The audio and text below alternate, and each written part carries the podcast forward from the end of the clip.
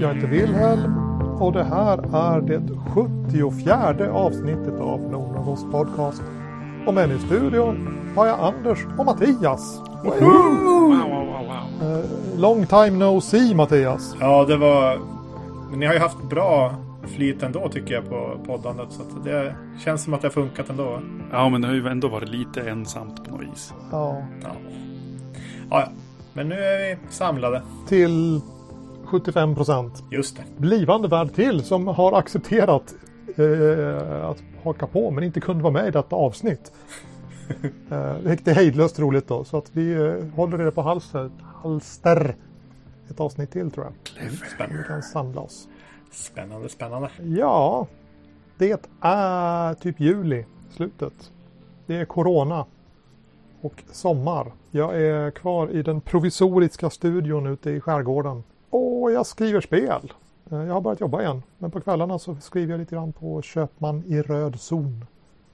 Som är typ 100 sidor långt nu. Oj, är- Jo, jag var listig. Jag gjorde om layouten så det växte med 25 procent i sidantal.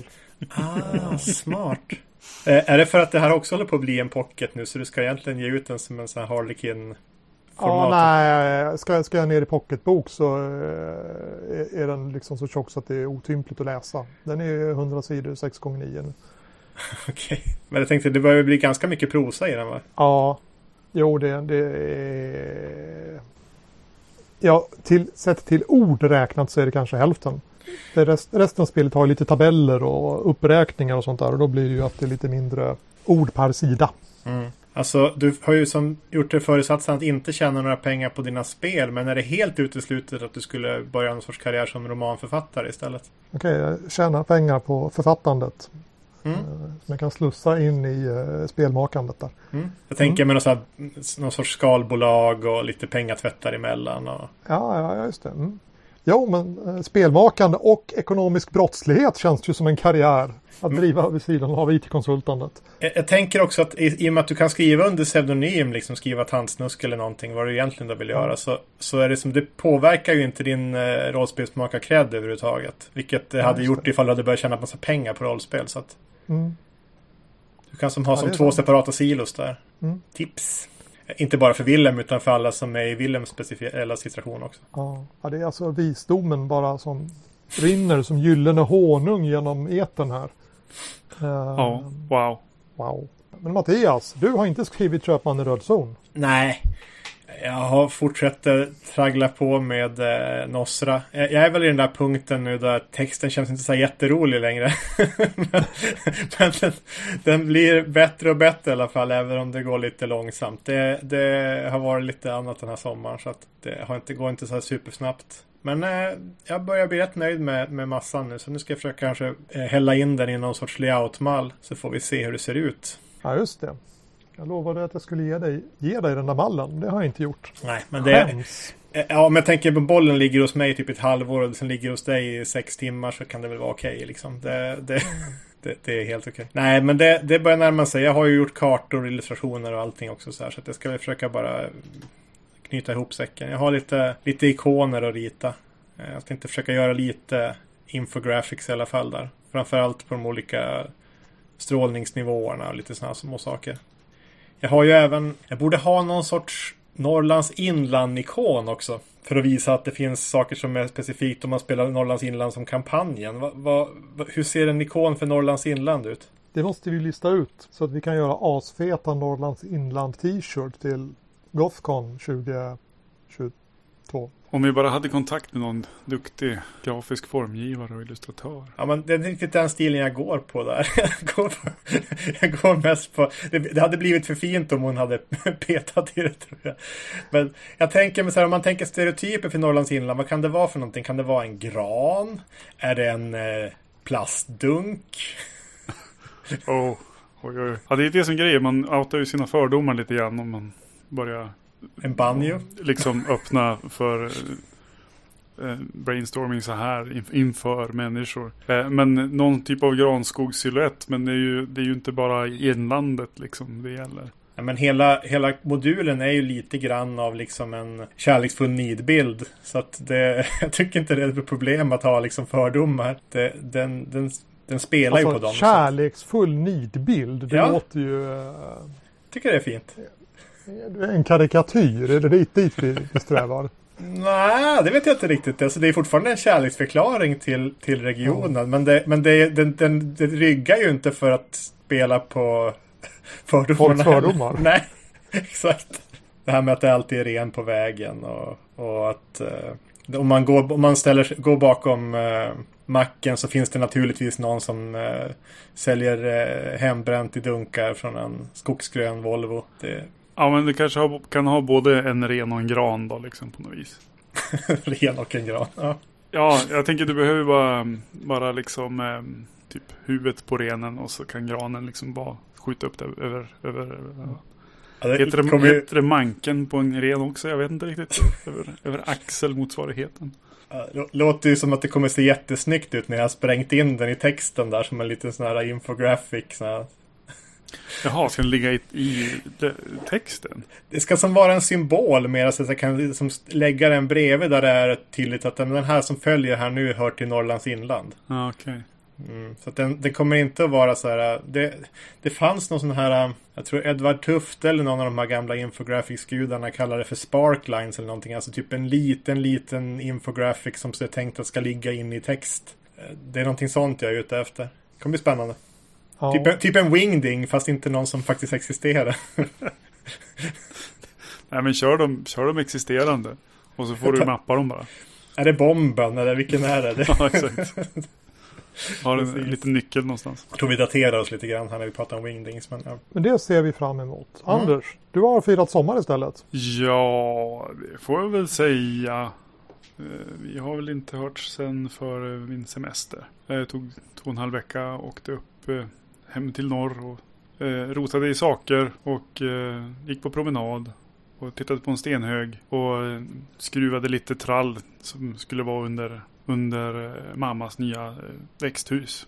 Mm. Och sen så fick jag bilder på att växthuset stod där det skulle och det ser jättefint ut. Nu ska jag inte ta åt mig särskilt mycket ära för den här skruvningen av trall utan jag, jag drog några av skruvarna bara. Det var det, var- det var det. Det var ett, som vanligt ett familjeprojekt.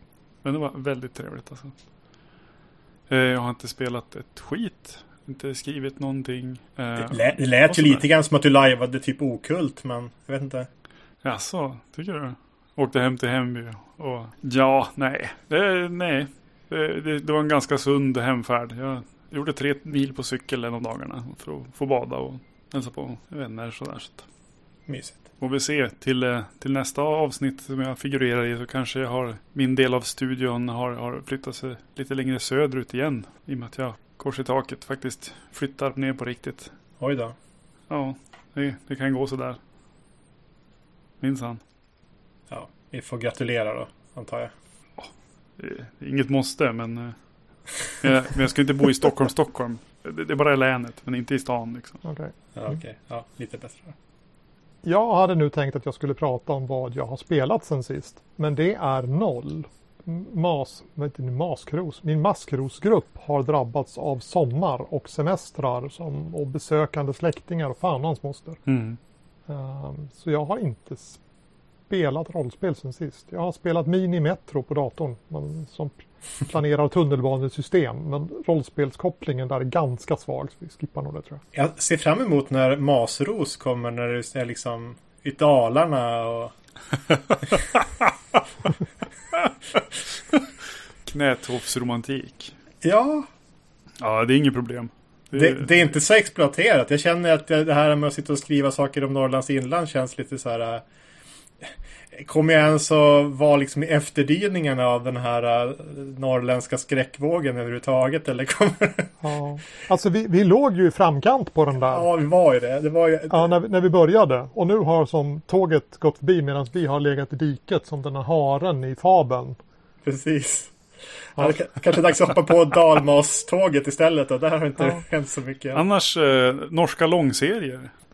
Och nu kommer jag inte ihåg vad de hette, bara för att jag sa det där. Någonting om Ros hette ju någon av dem där. Men det, det är ju lite grann som i efterdyningarna av Margit Sandemos. Fjällros, det känns ju som att det är givet vad det vara för system som körs där. med andra ord. Fjällrosor heter den. Okej. Okej, Alltså är det en bokserie vi pratar Det är om? en bokserie. Alltså det är ju det är lite grann som, tänk Sagan om Isfolket. Alltså norska långserier är ju ett begrepp alltså. Okej.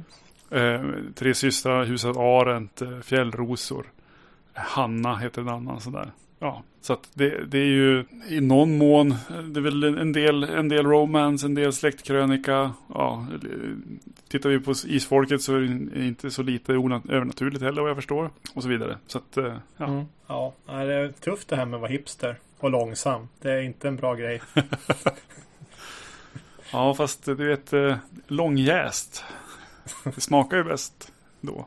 Ja, han får, man inte kan eh, komma ut eh, med, i tid så får man komma ut med kvalitet istället. Men då blir det ju andra sidan aldrig klart när man tänker så, så jag vet inte. Ja, precis. I don't want it perfect, I want it Tuesday. Precis. Nej, alltså det var ju lite grann eh, binda ris för egen rygg. För vi, vi gjorde ju så att vi hoppade på ett annat spelprojekt där också. Och att då menar jag att faktiskt att spela. Som snodde lite tid. Vi hoppade ju på det där Masks of Nyarlathotep-tåget som ni han pratade lite grann om i något tidigare avsnitt tror jag. Som är då spelledare. Det är ju en jättekampanj till Call of Cthulhu då, som vi istället kör med eh, QF-regler och QF-style. Eh, med eh, hejdlöst roliga eh, efterverkningar. Eh, vi är väl uppe i tre spelmöten totalt nu tror jag. Och nu har vi haft en liten paus men vi hoppas att vi kommer igång igen efter sommaren här. Eh, och då blir det ju spännande för spelarna att få gräva i sin handout-pärm och läsa igenom allting en gång till.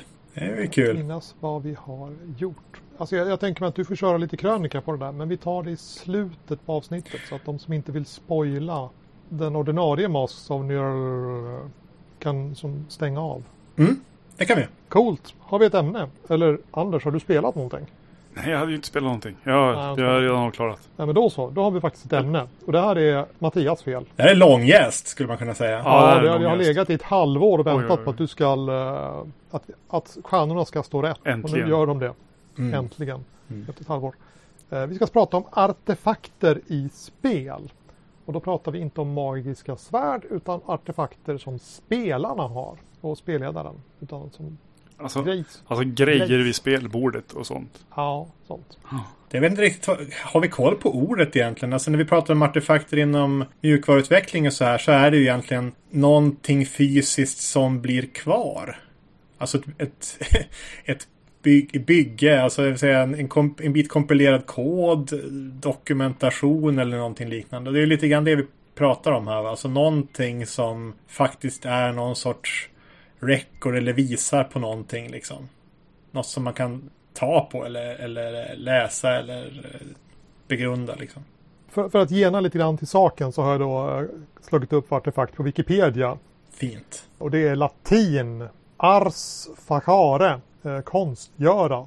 Konstgjort alltså. Föremål. Någonting som är gjort av människor. Mm. Kan vara gamla eller nytillverkade. Ja, ja men då, då, är, då är vi ju spot on på vad vi ska prata om. Jag tänker, det du eh, beskrev lite grann nu Mattias, med, med att man får någonting över i slutändan. Då, då tänker jag på, på brev och sånt här som, som dök upp när vi spelade Skuggan av igår. eh, Jag och Wilhelm och, och John som skrev breven och sådär. Eh, den typen som, som blir kvar så att säga. Mm. Men sen kommer vi beröra helt andra saker också. Att, att använda glaspluppare och allt möjligt.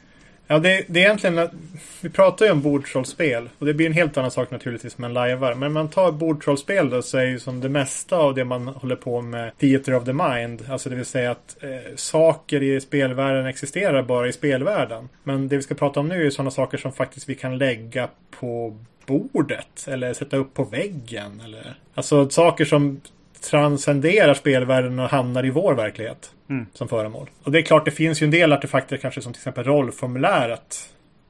Eller eh, spelledarskärmen. Som man kan prata om också. Men det är ju väldigt bordsrollspelsspecifika saker med en väldigt specifik funktion på något sätt. Spelarskärmar hade vi kunnat hade vi kunnat ta. Det har vi väl tagit i hur många av, av eh, avsnitten som helst här och inte kanske med de trevligaste tongångarna alla gånger. Det verkar vara väldigt lätt att göra en dålig spelledarskärm. Ja. Eh, men men där, där har vi faktiskt eh, gjort ett avtryck på världen. med Oj. Just vad gäller spelarskärmarna. Eh, jag, jag såg den här uh, rollspel i Sverigeundersökningen som Moa och Pernilla? Pernilla heter hon, precis, gjorde. Och, och, då har ju vi en sån här reach bland rollspelare på, på typ 3 procent. Sådär. Inte Eh, illa. Så, så, så, i allmänhet, eh, så att Nordnordost-lyssnare är alltså en mer exklusiv skara än Mensa, kan vi säga då. Jag älskar den här falska statistiken. ja, eller läsningen ska jag säga. Eh, Men mitt, mitt korståg mot dåliga spelledarskärmar det har ju som tagits över av eh, spelsnackarna. Mhm. De recenserar ju faktiskt spelledarskärmar utifrån mina kriterier nu. Okej, oj. Så att, eh, jag vet inte om vi kan släppa spelledarskärmarna nu eh, eftersom det, det är en boll som rullar vidare på egen hand. Ja, rollformuläret vet jag inte riktigt heller om det går att säga så mycket spännande om. Faktiskt. Det tror jag att det skulle kunna gå att göra. Men, eh, men det är också ett, ett stort pyssel. Ja, eller hur? För lite mys för det här avsnittet. Det, Ja. det känns mer som crunch. Alltså, Jo, jo, men, jo, jo, men alltså okej, för, för att nu då eh, lä- lägga bort den, den, den falska ödmjukheten då. Skrömt Mm. är, går ju, slår ju världen med häpnad nu. Folk går runt och säger att Skrömt är det bästa eh, nutidsskräckspelet i Norrlands inland. Sådär. Mm. Och det spelet är ju så bra som det är och det är ju tack vare mig. Okej. Okej. Därför att de eh, skickade ju ut eh, rollformulären på, på, på review, eller vad heter det? På remiss Mm. i Rollspel-Sverige. Och jag slog ju ner stenhårt på bristen de hade. Alltså det står rollformulär på rollformuläret. Mm. Det är som att skriva spelledarskärm på spelledarskärmen. Eller tatuera hund på hunden. Minska förvirringen. Liksom. Jag gillar inte de här skålarna som det står popcorn på heller. För det känns Nej, jag som gillar att inte- jag jag gillar, gillar- jag att ha gillar godis i dem. Eller typ, Ja. blom, alltså typ krukväxter Blomjord. och grejer. Ja, Ja, det, Eh, men, men det är inte därför vi är här. Eh, men men när, när ni, ni, ni sitter och spelar ert skräm och, och ni liksom njuter av upplevelsen då kan ni känna att Nordendosts ande över det här upplevelsen. Ja, okej. Eh, coolt. Så var börjar Coolt. vi någonstans? Eh, artefakter. Mm. Ska vi ta, alltså vi, fuskar, vi har tänkt innan vi börjar prata här, vi har en lista. Eh, kan vi prata om listan i den ordning den står? oj, Ja. gud vad häftigt. Vi kör på det. Ska vi göra det? Se vad som händer. För i så fall börjar vi ganska, ganska skarpt. För att eh, någon gång, alltså vad var det, i fjol sommar, fjol höst. Så kom jag ju tillbaka efter att ha varit på huskonvent och berättade väl att jag hade spelat Mistrobe Gate. Och i Mistrobe Gates så är det väl kanske den mest konkreta artefakt man använder till ett spel som jag upp. Det är nämligen så att under en, en liten tygduk så ska det ligga en kniv. Och denna kniv är då från början i sin slida. Men det kan också bli så att den kan komma att dras. Och eh, när vi spelade Mr. Gate så var det med en sån här eh, lite halvsladdrig proppkniv alla eh, kampsportsklubb eh, liksom. Det tyckte jag var jätteskönt. För att jag får, jag får liksom förhöjd puls av att tänka på att spela med en riktig kniv. Eh, inte på ett bra sätt alls. Jag, jag, jag, har, jag är lite knivfobi. Ja, eller hur? Faktiskt. Ja, men alltså, alltså det, det, är väldigt, det blir väldigt påtagligt om man börjar tänka på det. Ja men exakt så. Jag, jag, jag, vet- jag, när det är en kniv i närheten så är jag extremt medveten om vad den är hela tiden. Så det låter ju verkligen som ett spel som skulle kunna dra igång någonting hos mig. Ja, men, men, det, men det är väl eh, lite blidönskan där, alltså att kniven är Nej, grej. inte säga blid. Ja, eh, det som är intressant i Mr. Gate, Mr. Gate är ju ett typ ett kung fu-spel. Eh, eller så här wushu-film liksom. Mm. Och det är ju att kniven hör ihop med det sociala maktspelet, inte med att slåss. Så att säga. Mm. Eh, för att, att eh, slåss, det kan man göra, det här alltså kung fu-stilen liksom. Wirework med de här eh, snygga effekterna och hoppa och snurra och massa sånt där som inte går utan att ha rätt mängd eh, liksom vajrar fästa vid sig i princip. Eh, det är snarare ett sätt att, att eh, undfly den spända faktiska sociala situationen. Så att eh, den här kniven används i det som kallas för the knife ritual. Och the knife ritual eh, är alltså ett, eh, ett system som handlar om att influera andra, att, på, att tvinga dem att göra det du vill. Eller att eh, liksom lägga krav på dem och sådär. Men, men hela poängen är att alltså, i och med att kniven är en fysisk artefakt så spetsar det till den här mekaniken. För du hade kunnat ha mekaniken utan kniven, eller hur? Ja, det skulle man i princip kunna ha. Den har liksom ett, ett par steg den här. Eh, alltså, kniven kan som sagt vara täckt av duken. Eh, då kan ingen ta upp kniven. Mm. Den kan vara i sin slida och då, då, då kan man ta upp kniven och ge den till någon. Och då kan man göra ett implicit, liksom, en implicit begäran. Du får inte säga vad du egentligen vill, men du kan antyda vad det är du vill att de ska göra. Mm. Eh, De kan då försöka göra det du vill och så ge tillbaka kniven och se om om får bekräftelse på att man har gjort rätt grej. För i så fall lägger den första personen ner kniven på bordet igen. Men det är egentligen ett, ett, är- väldigt tydligt det är, det är förtydliga för alla spelarna som är inblandade vad statusen är just nu på det sociala spelet och vad, vilka actions man kan göra i det egentligen.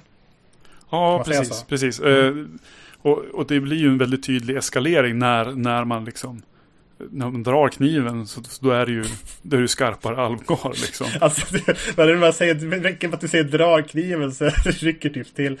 Jag tror att du har nog lyckats svara på frågan i alla fall. Om, om du ska introducera barnet till en orolig förälder till rollspel så kan det här eventuellt vara ett sämre spel än Kult. kan det vara så? Ja, det skulle här- man kunna säga. ro- Rollspel är inget farligt. Ja, men här är, ja, men man- det är en kniv och man drar lite grann. Ja, det, och det är en fysisk kniv. Ja, absolut. Ja, exakt. Ja, men det finns Vi ju... använder den ju inte på varandra, eller hur? Blink, blink. Eh, Nej, det gör man ju inte. Och det står ju faktiskt här också någonstans att, att, man, att man kan lägga den mot handen på dem istället för att liksom... Jag tror i någon tidig version så, så var det väl typ att du ska hålla kniven mot halsen på dem eller något sånt där. Jag, jag, jag, det, kan vara, det kan vara myt. Det kanske inte alls var så. Men liksom lägg, den, lägg en ovass sida mot handen. Mm. Eh, Och vi valde ju som sagt att spela med en kniv som helt enkelt inte kunde vara vass på något håll. Eh, och det kändes ganska skönt. Eh, men det är ett rätt schysst spel. Eh, det är ju från 2008-2009 någonstans. Och eh, har faktiskt varit eh, Creative Commons sedan 2012. Så det kommer en länk till pdf-en i show notes. Och eh, all text får ni använda som ni vill. Det såg läckert ut. Så det är så. Ja, det var, jag tyckte det var ganska läckert. Och, och hur det samspelade det här med att, med att eh, det, det är liksom den här hierarkiska, det, det är det som är det våldsamma. Det, det finns i slutändan, ändan om man har eskalerat fullt ut, då, då hugger man ju kniven genom någons rollformulär liksom. Och gör ett slutgiltigt krav av dem. Eh, Men även där så kan de så rycka ut den och hugga tillbaka ditt rollformulär istället och döda dig istället. Eller någonting sånt där. Eller, eller faktiskt ta det till, till wirework, till, eh, till showy kung fu och, och, och överleva liksom. Så att eh, finns det varianter. Jag, jag tyckte det var rätt schysst. Det, jag minns att det var några saker vi pratade om som kändes lite klankig, lite knepiga som man kanske skulle vilja tweaka i, i spelet. Men överlag så eh, var det rätt, rätt schysst. Mm. Och från kniv till papper i mitten. Ja, vi körde ju det här i Norrlands inland-kampanjen och det var ju rejält snott från eh, Okult va? Vad är syftet med det i Okult? Jo, alltså för, för lyssnarna då. I Okult har du inte ett eget rollformulär. Det finns ett, eh, ett, ett större papper mitt på bordet som alla måste göra sina anteckningar på. Och vi har pratat om några liknande saker eh, tidigare i podden. Jag tror det är Anders som brukar lyfta det där. Att var håller vi vår, eh, vår blick när Mm. vi spelar? Har, har vi ett eget rollformulär så är, är vår blick typ ner mot vår mage. Så det är väldigt nära oss själva. Vi har den som en liten sfär. Sådär. Men sen de riktigt det intensiva rollspelandet, de intensiva grejerna, de sker när vi har lyft vår blick och fokuset är mot bordet, mot, mot runt varandra sådär. Och då genom att ta bort rollformuläret från, från spelarna och ha en gemensam eh, ark i mitten så, så flyttas blicken närmare att komma till det gemensamma. Eh, samtidigt som då alla, alla ser också vad, vad, vad andra har tyckt var viktigt för att det är Okult är ett jävligt svårt spel att spela. Man måste hålla tusen bollar i huvudet samtidigt som man spelar.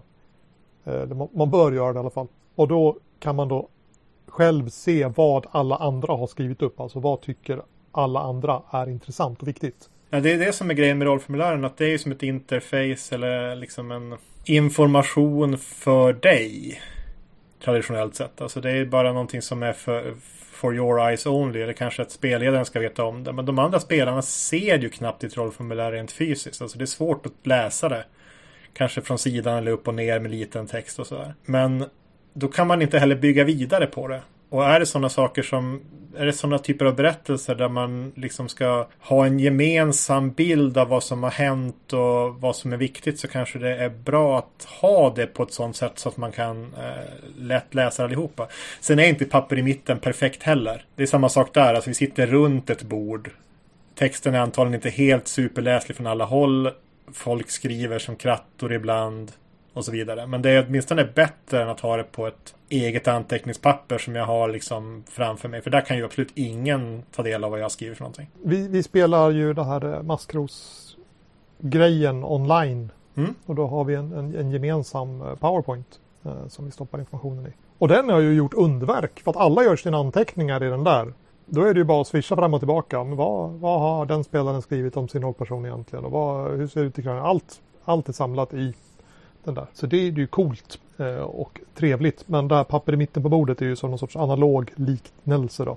Om man inte ska ha en whiteboard som alla gör sina anteckningar på. Nej, sen är det en helt annan social situation att spela eh, online naturligtvis. Men just informationsmässigt så det löser ju åtminstone några av de här problemen jag hade med att eh, texten är upp och ner och att den är svårläslig. Det får du ju som inte på ett digitalt dokument.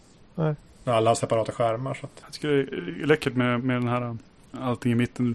För det blir ju det att eh, det kommer ju synas väldigt tydligt ändringarna eftersom också.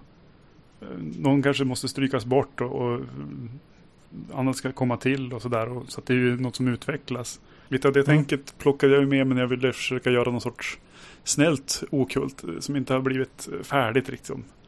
Det här spelet Ön som jag har donat med. Man mm. sitter på en liten ö. Och där det, där det finns en tanke att man ska ha en uppmaning om att rita en liten karta över sin ö. Och, och sen så kommer man ju få, få börja sudda bort bitar av sin, sin ö för vattnet stiger och sväljer den. Liksom. Mm. Och det är någonting med det där med att, att den är levande, organisk och utvecklas och faktiskt ser annorlunda ut i slutet än i början. Som jag tycker har någon, har någon grej liksom. Det är lite läckert på något sätt. Ja, just det här med att ha en gemensam karta att kladda på tror jag använt lite för lite. Det, det tror jag kan vara en, det är en ganska bra artefakt. Smälla upp en rejäl karta i mitten och, och det, det, är lite grann Jag tror original West Marshes-kampanjen är väl lite grann så. Där är det väl till och med så att de De här separata äventyrargängen Kartan är ju en eh, I spelvärlden så är den inristad på ett bord i värdshuset. Va, tror jag. Det ja, här är det vi ja. vet om spelvärlden. Och jag tror att han, han hade det som en artefakt om man hängde den på väggen eller någonting liknande. Så att spelgrupperna hade som samma information och kunde kladda och lämna anteckningar till varandra och sådär på den där kartan. Det, det, är en ganska cool grej. Det, det är ju häftigt för, för som sagt i West Marches då var det flera spelgrupper som sagt. Så det blir just det där att ja, det är läckert. Kartor är ju fantastiskt. Mm. I, I, hemlighet bakom kulisserna har jag nu flyttat upp punkten för att det ska flyta bättre. Bra radio. eh, och här har vi nämnt ett par olika spel eh, på punkten kartor. Fall of Magic som i princip bara består av en karta. Men där allting då är, typ reglerna står väl på kartan till och med. I princip. Ja, det är den du rullar ut. Precis. Eh. Finvarianten är, är på en, tryckt på en tygrulle liksom. Så det mm. blir som en, som en eh, karta på, på rulle som man rullar ut allt eftersom man reser eh, i världen liksom. Det är ett spel som i princip är en, en resa. Det är väldigt tydligt upplägg att eh, magin håller på att dö.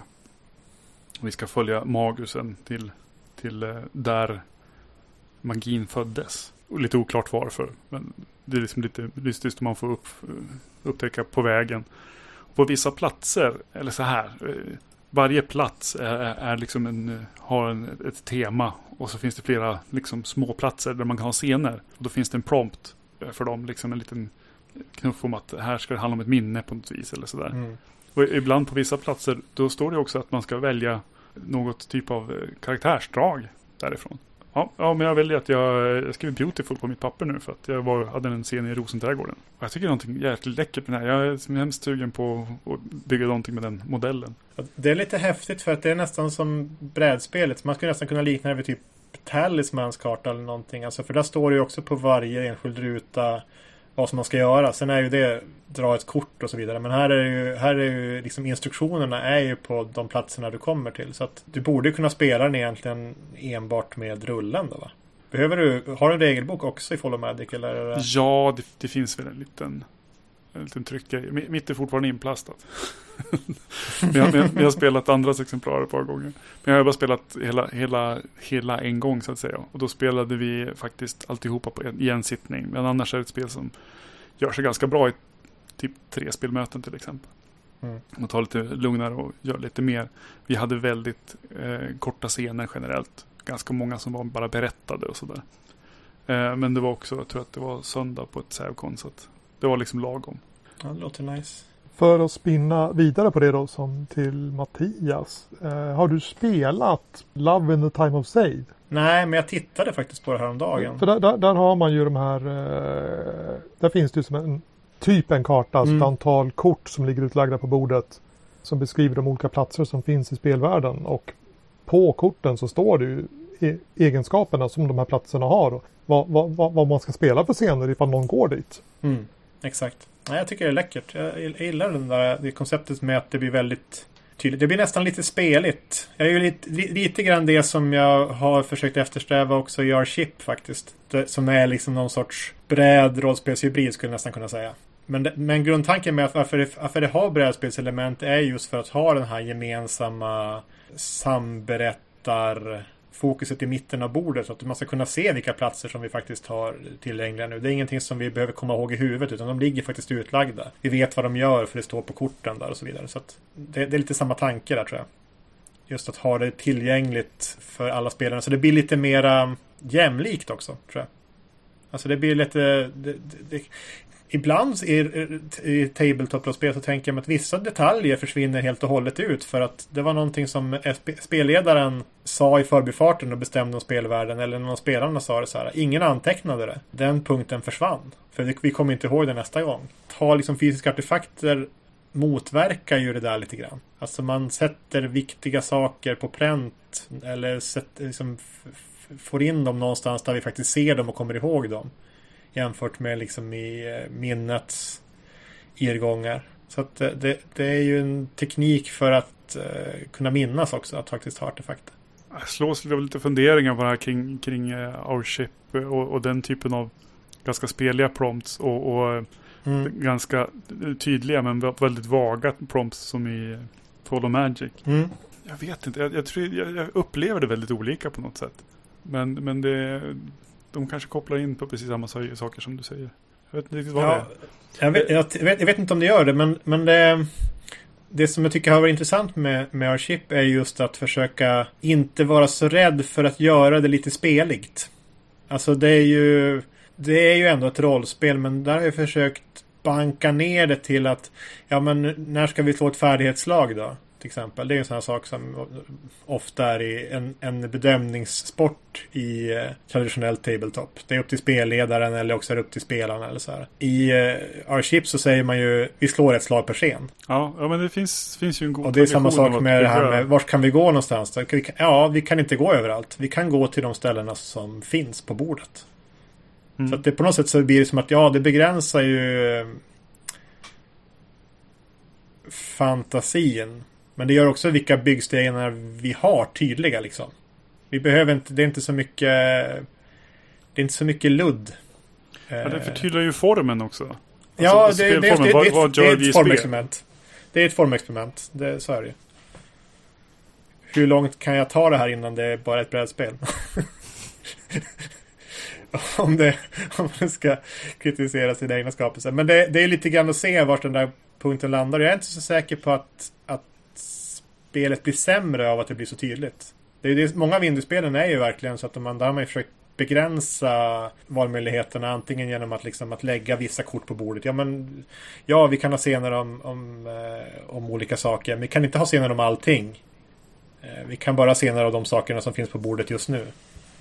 Eh, oraklen är lite grann samma sak också. Så här, att, eh, men det, vi har inte hur många teman som helst.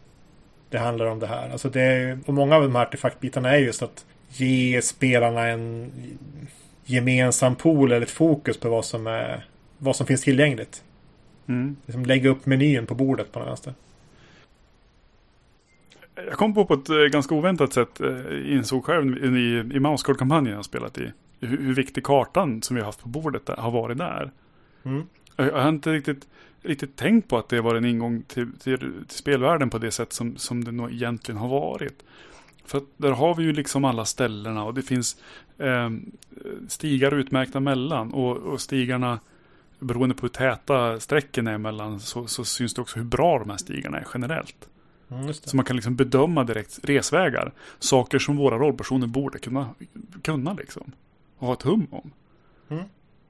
Och också, även ifall det bara finns några vissa rader skrivna om varje ställe. Så man kan säga, eh, ja men det här stället, eh, skifferbredder, hur var det med det? Ja, bara, exakt vad de hette. Eh, så har ju våran spelare också varit så att han kan rassla av de raderna och lite om han har tänkt och, och fantiserat om hur det ser ut. Mm. Eh, och det har gjort världen väldigt konkret liksom. På något vis. Som, som jag inte liksom slogs av förrän, alltså jag har ju spelat snart två hela år så att säga. In-game. Två, två säsonger. Mm. Och så någonstans så trillade på, netten, på lätten ner liksom vad, vad det var. Vad, vilken ingång det var liksom. Och hur konkret världen blev. Och jag tycker det var jätteläckert att, att fatta liksom, hur, hur, vilken stor skillnad den gjorde. Jag tycker inte jag har spelat så mycket spel annars med, med liksom världskarta så att säga liggande. Eh, och världskarta kanske är lite för stor men liksom tydlig regionskarta. Och det är inte så himla, himla många spel ändå som, som jag har spelat ska jag säga. Som har varit så konkreta. Eh, att man verkligen har mellan de, de faktiska eh, bosättningarna. Det är lätt hänt att man ritar en karta och så, bara, ja, så, så ligger det några byar däremellan. Och så, de finns inte på pappret men, men de finns ju där. Lite så. Ja, men det är väl bara egentligen bra informationsdesign att kunna förmedla det på något så snyggt sätt på en karta. Liksom att ja, men det svårighet eller avstånd eller någonting sånt. Liksom. Det... Ja, alltså, i det här fallet så, så, handlar ju spelet om de här sakerna också. Våra rollpersoner ska ju hjälpa andra att göra de här resorna. Eller vi ska göra de här resorna med deras post. Mm. Eh, och det är vår, vår, vår självupptagna uppgift. Eh, självpåtagna uppgift. att att uh, hålla de här lederna i, uh, i skick och sådär. Och det är ju inte alls lika intressant i ett spel som handlar om kanske helt andra saker. Alltså, jag vet inte vad jag ska ta för exempel, men Mr. Gate kanske till exempel. Man gör cool, uh, cool kung fu och så, och så är det konflikter mellan oss. Men exakt vart vi är någonstans är inte så himla intressant förutom om det är, en, vi är i stan eller uppe vid templet eller sådär. Eller vi behöver liksom inte regionen på, på kartan med detaljer. Liksom. Nej, jag tänker mig om det är till exempel ett hexcrawl eller någonting sånt. Då är ju som kartan nästan spelet. Så det låter ju som att det är lite ja, grann så för er också. Ja, det är en ingång till spelet. I hexcrawl så blir det att upptäcka, det blir att fylla ut kartan. Att, att ja, mm, exakt. Så, men, men, det är, men absolut, det, det, är, det, är ett väldigt tydliga, starka verktyg i båda fallen. Eller tydligen inte väldigt tydligare i, i fallet men nu, nu när jag ser det på det här sättet så, så känns det tydligt. Mm. Ja, det är coolt. Vi sitter, jag och Willem sitter och väntar på det här Ultraviolet Grassland som aldrig kommer. Och det är ett point crawl. Och där ska det tydligen finnas någon sorts legendariskt lång karta då. Eh, som har den här resvägen från, från eh, där man startar till den här eh, staden man vill ta sig fram till i slutändan. Och där, då är det ju informationen för spelarna om vägrutter och sådana saker är ingenting de behöver fråga spelledaren om. Utan det finns ju tydligt upplagt på bordet liksom hur lång tid det tar att resa och så vidare. Så att, vilka vägar som finns att ta från varje punkt och sådär. Så det, det är ju coolt. Ja, men det är ju liksom det.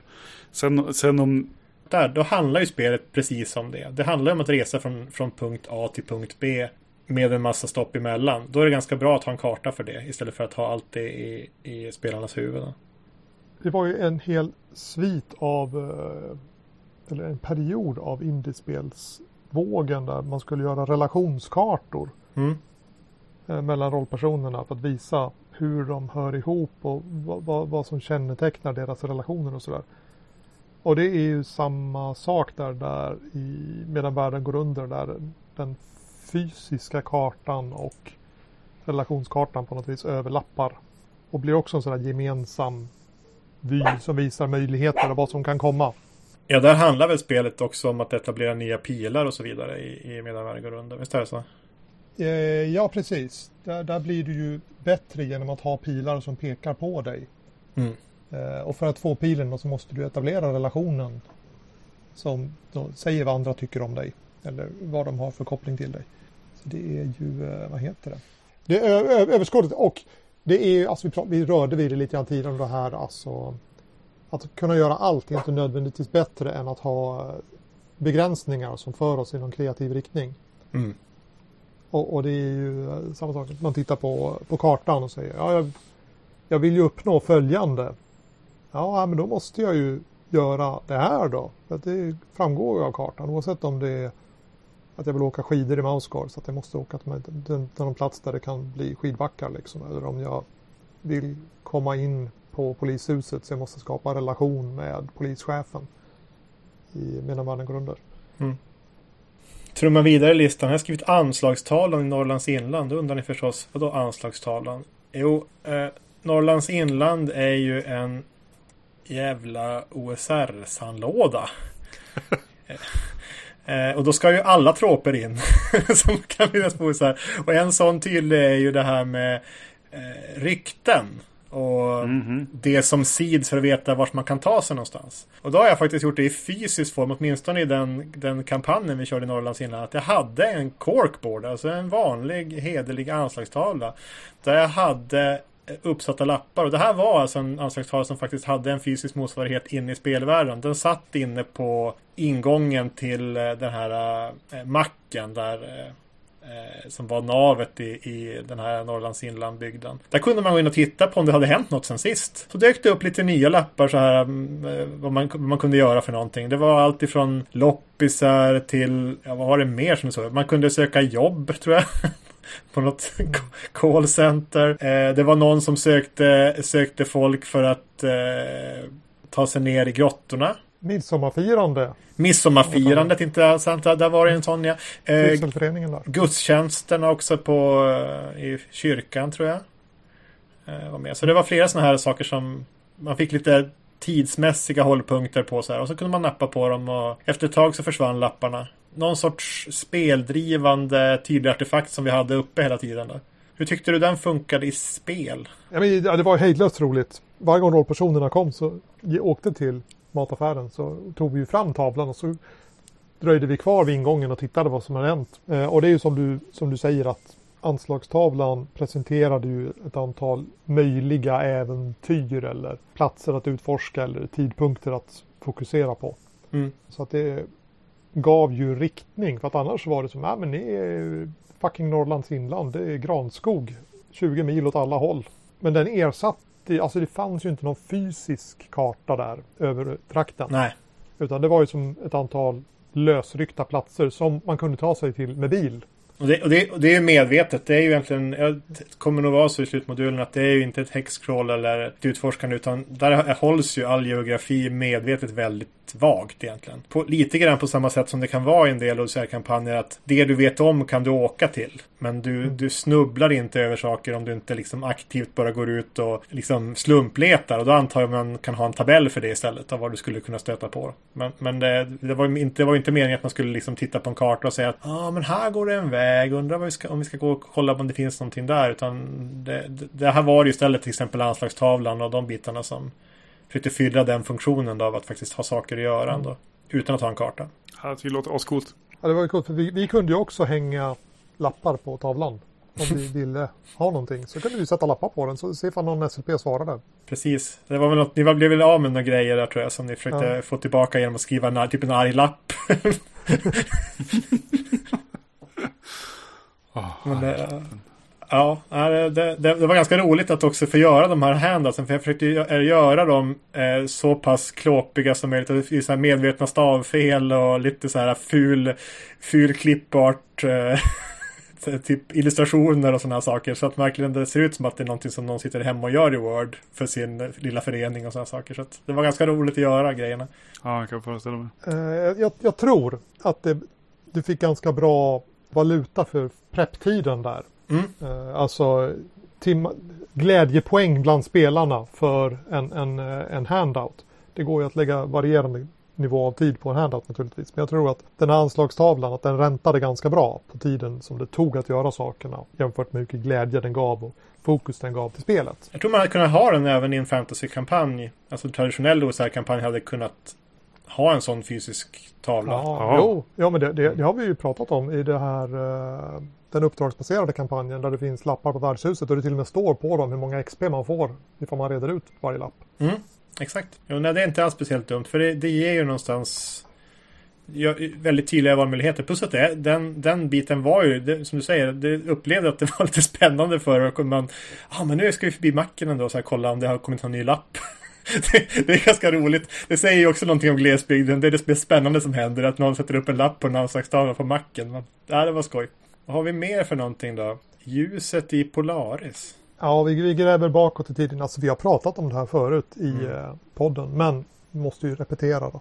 I det fantastiska rollspelet Polaris i början på varje spelpass så tänder man ett stearinljus och läser en liten dikt. Spelar man rollspel tills man är klar, då blåser man ut ljuset. Så det blir som väldigt så här eh, ritual runt det, en form av ritualer. Det finns ett jättefint avsnitt i förflutna om, om ritualer i spelordet och då tar vi också upp det här ljuset. Men det var en artefakt. Mm. Fysisk grej, det där ljuset står och brinner medan vi spelar. Och närmar sig ju, det brinner ju ut förr eller senare så att det blir ju på något vis en påminnelse om hur länge man har spelat. Även om det inte spelet i reglerna säger att man måste sluta bara för att ljuset brinner ut. Får man ha andra ljuskällor än ljuset?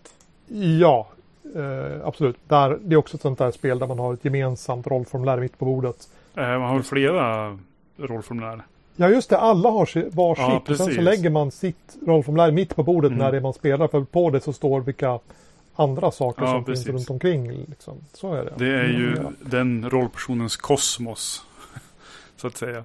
Eh, och att man har vissa uppdrag beroende på hur man sitter relativt till varandra. Den som sitter mitt emot kommer vara antagonist mot dig. Liksom och sådär. Ja, det får vi spela någon gång. Otroligt vackert spel. Mm. Ja, kanske, alltså, kanske det, det, en poetisk, poetisk upplevelse. På tal om vackra saker så står det här fina glaspluppar. Oh, och det kan man ju inte få för många av. Nej, alltså går det? Nej, jag tror inte det.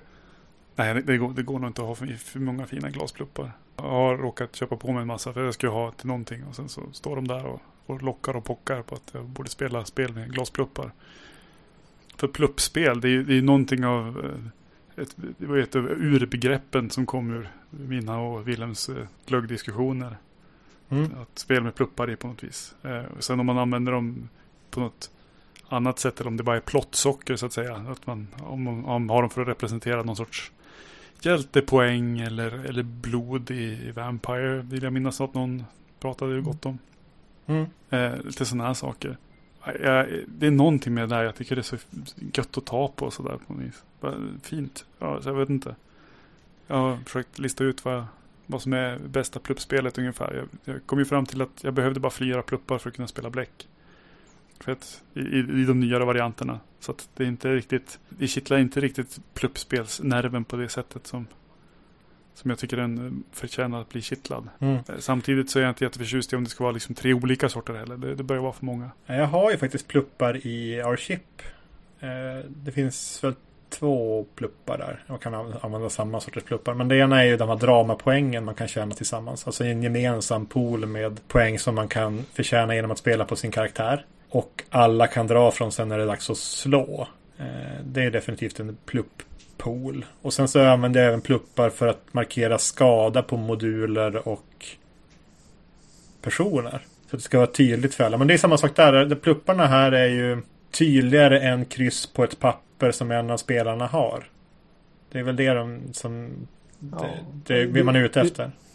Det, det, det, ja, men det är så otroligt taktilt. Nu hjälper jag dig. Här får du min plupp. Rosen i ökenros är väl lite Ja, precis. Där hade vi faktiskt så att vi hade ju extra tärningar som representerade rosorna. Alltså extra fate-tärningar som vi, som, var, som vi kunde bara skicka runt. Då. De röda tärningarna. Jo, precis. Och det kändes ju väldigt trevligt att kunna... Man, och extremt lätt att se också var, vars tärningarna är någonstans. Var är rosorna just nu? Så det var ju väldigt effektivt faktiskt tyckte jag. Det är ju fler spel som kör med att, eh, att eh, just att ge över tärningarna fysiskt är en grej utpost eh, som har varit en klassiker i, i Inderummet på, på Gothcon framförallt skulle jag säga. Det är ju också sån där att vill man försöka sänka konfliktnivån så att säga och ta ner då måste man liksom ge tärningar till varandra. Rent fysiskt för att det är en handling för att vi, försöka på försoning liksom. Det blir också en ganska tydlig grej om de, om de avvisas. Eh, men glaspuppar funkar jättebra om man nu vill ha, ha någonting som är en valuta sådär istället. Med risk för att låta som at Bandcamp Så i Our Ship så tar scenen slut och man slår när spelaren vars scen där fattar tärningen. Då slutar allt spel. Så att det är samma sak där egentligen. Att man, Ja, att man använder tärningen som en artefakt för att markera att... Och det går inte, det går inte att argumentera mot heller. När spelaren tycker att nu är det nog, då och greppar tärningen, då måste man sluta prata. Och sen går de sen in på, och, tittar på vad, vad ska de slå för någonting, hur mycket drama ska de spendera och så vidare. Så man går som, den, det blir väldigt tydligt att man går in i nästa fas. Där. Ja, just. Det är lite, lite den grejen jag funderar på i bläck, att jag skulle kalla att, att ta upp tärningarna i händerna, att, att kalla, kalla det för att ta initiativet. När du har Mm. tagit upp tärningar, då nu är det du som säger vad som händer härnäst. Eller vad du, vad du gör härnäst. Och sen får du slå och se hur det går. Liksom. Fram till dess så kanske jag kommer att säga att de sticker i spjutet i dig Liksom. Och så, nu får du markera skada. Ja, men det blir väldigt tydligt när man faktiskt greppar någonting. Alltså att just om man, ska ha, om man har spel i faser, ungefär som du pratade om kniven i Mr. Gate. Alltså att är, det, är spelet i faser så kan det vara väldigt effektfullt att använda de artefakterna som finns på bordet för att markera det. Det är lite grann, jag fattar talarstaven, alltså är det jag som talar. Det är lite grann samma Ja, eh, koncept där. Absolut. Härnäst på listan är någonting som kanske fortfarande står i Wilhelms hylla. Nej, den, den har uh, rykt faktiskt. Den har rykt Eh, faktiskt. Vi, vi spelade ett eh, Call of Cthulhu-scenario för tio år sedan. Och med detta så följde det med, en, inte, inte en handout, men en conversation piece. Som var alltså en, eh, en papercraft glasburk med en orm i. Som då eh, spelledaren mödosamt eh, limmade ihop, eller tejpade ihop före spelpasset. Och den stod ju där. Och den, den fyllde ingen funktion överhuvudtaget i äventyret. Den bara stod där på bordet och var liksom förförisk. Det finns en glasburk med en orm i. Eh, och den, den satte som eh, stämning utan att fylla någon spelteknisk funktion. Mm. Eh, och det tyckte jag var ju en, en fräsig grej. Alltså att pry, prylen är inte en, ja det var ju uppenbart en pryl som skulle föra våra tankar in till den här platsen där det fanns en, en inte bara en utan flera konserverade ormar i glasburkar. Men, Mm. men, men det fanns inte något sätt för oss som spelare att interagera med den. Även om rollpersonerna kunde som göra någonting i, i äventyret kanske om man ville. Men det var ju fräsigt. Så props egentligen som, inte, som bara har en stämningseffekt. Man säga.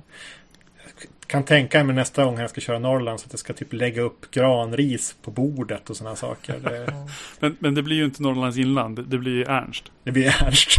Ja, det blir rundstav och Det är ganska olika saker skulle jag påstå. lammull och Ja, nej. najtråd. Ja, ta fram ett, eh, jag vet inte, Perstorps bord och ett par slitna kaffekoppar eller någonting. Nej men det här med handouts är ju också en sak. Eh, Vi spelar ju Mask nu och den har ju någon sorts världsrekord i eh, antalet handouts. Det är 96 sidor handouts. Är det. det är inte 96 handouts, det är 96 sidor handouts. Det är alltså flera handouts på varje sida. Det är många.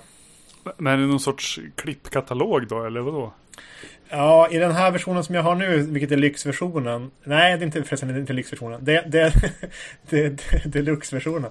Det, det är, där är det A4 i färgutskrivna A4 som följer med. En hel bröte som man får klippa isär själv då. Ja, just. Mm. Eh, Det finns det här eh, H.P. Lovecraft Historical Society eller vad den heter för någonting. Har ju gjort ännu häftigare handouts som man kan köpa till kampanjen som är så här lyxvarianter av grejerna.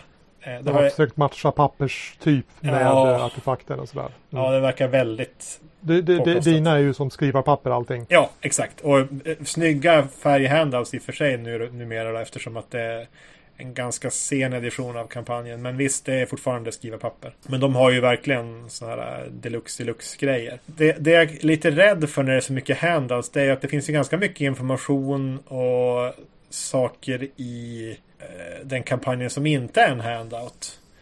Men på något sätt känns det som att det kan bli lite förminskning av allt det här. Liksom spelarna går runt som någon sorts pinjata-spelare och slår på allting och hoppas att det ska trilla ut lite handouts. Liksom. Det, och gör inte det så blir man lite lätt besviken även om man fick information på något sätt. Så det är lite grann så, så det, jag vet inte om det är så riktigt i den kampanjen men det är lite grann den risken jag upplever när man verkligen ser till att ha så extremt mycket handouts om allting. Det känns som att det, det, risken är att allting annat blir lite, säm, känns upplevs som lite sämre och lite mindre viktigt. Det, det kan det ju eh, faktiskt bli. Mm. Vi, eh, vi tiggde ju till oss ett eh, rekommendationsbrev Och det fanns ju inte så förberett som handout. Så vi skrev ju vår egen handout och stoppade i vår, eh, vår handout-pärm. Och sen såg ju det där senare. Bara, ja, ni gjorde en handout av det. Det var ju bra. Men då, då kändes inte det lika viktigt va, som om ni hade faktiskt haft ett rekommendationsspel. Då kändes det som att nu har vi gjort någonting som vi borde göra. Vi, vi är ju OSR-spelare. Vi är ju inte här för att lösa äventyret. Vi är här för att powergamea. Så att, att ha rekommendationsbrevet, det kanske är bättre än dina dumma handout. Nej, men jag menar det. Ja. Det, det, är så, det är så man borde tänka för att alltså eh, Sky's the limit liksom. Men jag, det, jag känner lite grann att risken blir att man går runt och jagar handouts istället för att spela spelet på något vänster. Mm. Det... Jo men det, det är ju så. Får man en handout då har man ju liksom dingat in någonting som var rätt ja. i äventyret. Ja, det, det, ja, jag vet inte. Det, det är lite kluvet det där. Samtidigt, jag tycker det är coolt att det finns så mycket förberett. Men jag är lite fundersam vilka effekter det faktiskt kan få. Men vi, vi, får se. Det ska bli spännande att se hur kampanjen utvecklar sig senare. Eh, det gör ju också att det blir... Eh, jag ska säga så här, handoutsen har ett annat problem. Och det är att de är inte sådär superinformationstäta egentligen. Alltså, per automatik så är det ju en massa fluff i dem. Jag menar om det nu är till exempel ett brev så kanske det är två saker som är viktiga i det brevet. Ett namn eller ett datum eller kanske en, liksom en namnteckning eller en bläckplump eller någonting. Men alltså det, det är inte alla orden i brevet som är intressanta jag känner en viss risk att spelarna inte, kanske inte kondenserar ner det som var, de tyckte var viktigt eller stryker under eller vågar göra någonting med de där händelserna heller. Alltså liksom kondenserar ner dem till någon informationsmängd som är mycket lätt, mer lätthanterlig än det där jobbiga jävla brevet som man ska läsa igenom varje gång man ska försöka lista ut vad det var som stod där egentligen. Har ni någon fundering på det? Ja men alltså det, i den tradition, alltså, traditionella Call of Cthulhu då är det väl det som är grejen. Det är en spelarutmaning att liksom lyckas lägga det där pusslet. Mm. Exakt. Eh, vår, vår, vår, vår, vän Krank är ju väldigt eh, road av, av den nischen av spel medan den är fullständigt ointressant för mig egentligen. Men jag, jag, jag härdade ut nu eftersom vi ska spela eh, med de här handoutsen. Mm. Men det, jag, jag tycker det, det är så roligt, att ni får ett foto liksom, åh vad roligt. Men, men att veta, ja, men det finns två viktiga ledtrådar i det här brevet. Eh, det är skrivet med någon så här eh, skrivstilssimulerande font svårläst. Mm -hmm. jag måste, ska, ska, ska jag jaga här för att hitta de där två viktiga ledtrådarna? Eller har vi tillräckligt med handouts för att kunna skippa de där? Och då fyller ju mig med, med, som, med, med tvivel. Missar vi som den coolaste eh, grejen nu för att vi som bortser från den här grejen för att handouten är så himla dålig som för oss dit? Ja, det, det, det där är ju väldigt bra fråga. Det, det som är bra med handouts är ju att egentligen så är Handouts väldigt lämpat för OSR-spelstid eftersom att det blir en spelarutmaning av det som du säger. Ja. Det blir inte ett slag för att lista ut vad som står i brevet utan du måste faktiskt sitta ner och läsa brevet och fatta det själv. Liksom. Rollpersonen hjälper dig ju eh, inte alls i det läget. Så att på det sättet så matchar det ju vår spelstil väldigt mycket. Sen om det är en intressant övning eller inte.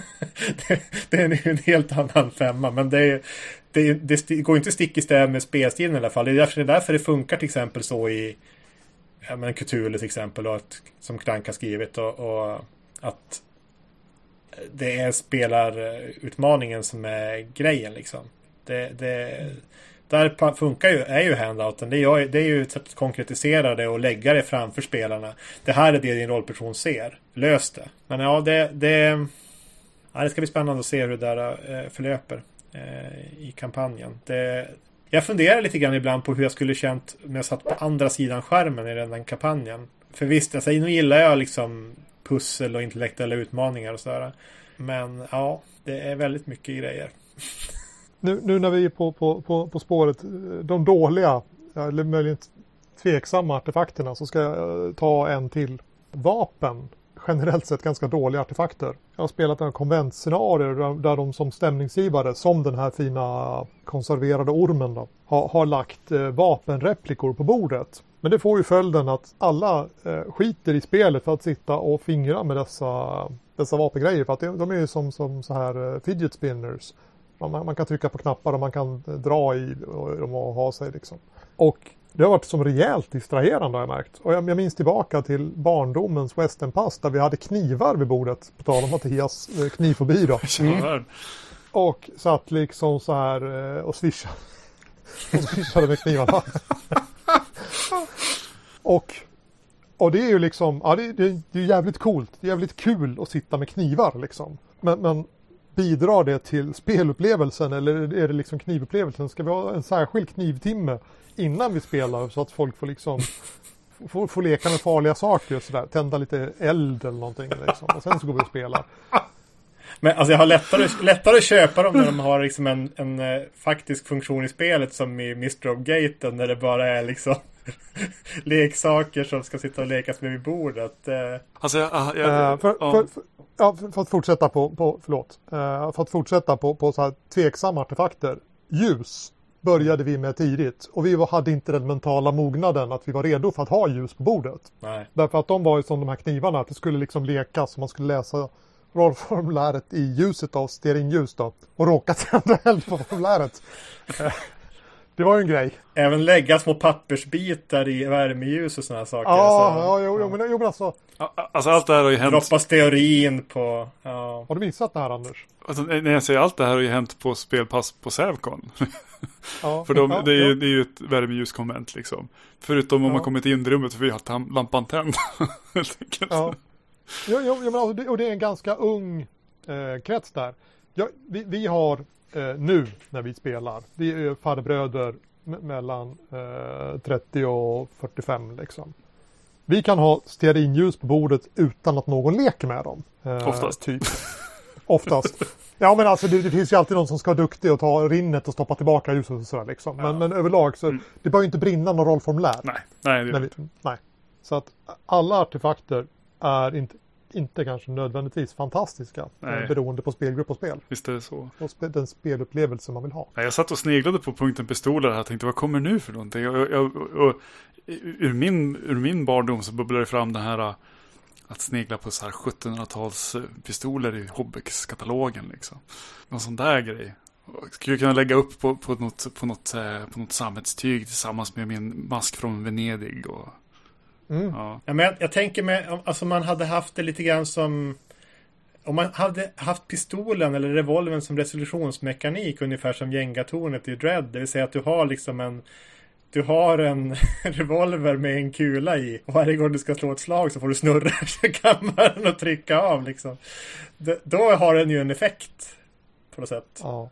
Alltså vi föreslår då inte att ni ska spela rysk roulette. Nej, inte på riktigt. Fantastiskt. om, om, ni, om ni nu har den mentala mognaden till detta. Ja, hejdlöst roligt. Har vi någonting mer att säga om artefakter? Alltså jag blir lite sugen. Ja, Ja, en, en fantasy-anslagstavla kanske eller, eh, eller något sånt här eh, stämningshöjande element. Eh, Jag minns jag själv brukar ha dragit med mig en, en fin duk och, och en sån här liten mässings... Det är väl egentligen en liten eh, typ blomvas antar jag. Men en mässingsgrej med, med avskruvbar fot så att den inte, inte, så knepig att ta med sig. Och, och fylla med snygga tärningar för att spela A thousand and one nights på, på eh, konvent till exempel. Mm. Mm. Eh, och de grejerna och få lite, så här, lite flashback till de grejerna. Och, ja, men det finns så mycket att göra. Jag tror man ska, ska inte vara rädd för att använda artefakter. För att jag tror det finns en anledning till att vi kommer ihåg så pass många artefakter också i de här spelen. Att minnet funkar ju så att någonting man har sett är ju som lättare att komma ihåg än någonting man har hört. Så att jag tror att det finns en koppling till att vi ändå kan hitta så pass många exempel på det här ämnet.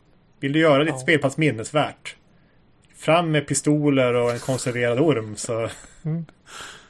Granris och några HB-dunkar och lite, lite stråbljus och eh, stor jävla karta på väggen. Och, Ja. Alltså, där, nu ska du spela ett rollspel. Liksom. Man kommer in i Ja, det rummet, man, man ser liksom där över, det är fullständigt överlastat Ja, men- med men- grejer. men- men- bara, ja, gre- gre- Grejen är att jag, jag kan nu blir ju det som... rollspel. Är du kvar Mattias? ja. Mattias? Mattias? Mattias? Men nu är det bara jag kvar eller? Nej då. Coolt. Har vi någonting mer vi vill säga om artefakter? Nej, inte just nu tror jag. I eh, transparensens tecken så får vi väl säga då att eh, Mattias lösning har kruppat ur igen. Och här kära lyssnare känner jag att det är läge att tipsa om vår, eh, om vår Patreon. Snyggt. Snygg, smooth. Ja, det är otroligt snyggt. Om, om, om vi hade 100 Patreons som gav en tia på avsnitt. Då skulle vi kunna köpa nya hörlurar till Mattias. Ja, och då skulle vi få mindre tekniska problem. Annars, Anders, har du någonting du vill säga i avsked till våra lyssnare?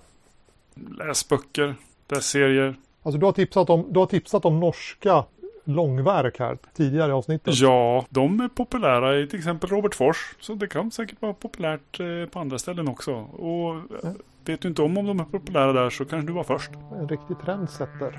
Men då så, eh, min klocka är att vi har spelat in i nästan en och en halv timme. Ja, Det får räcka för den här gången. Så hörs vi igen om kanske en månad. mm, det låter bra.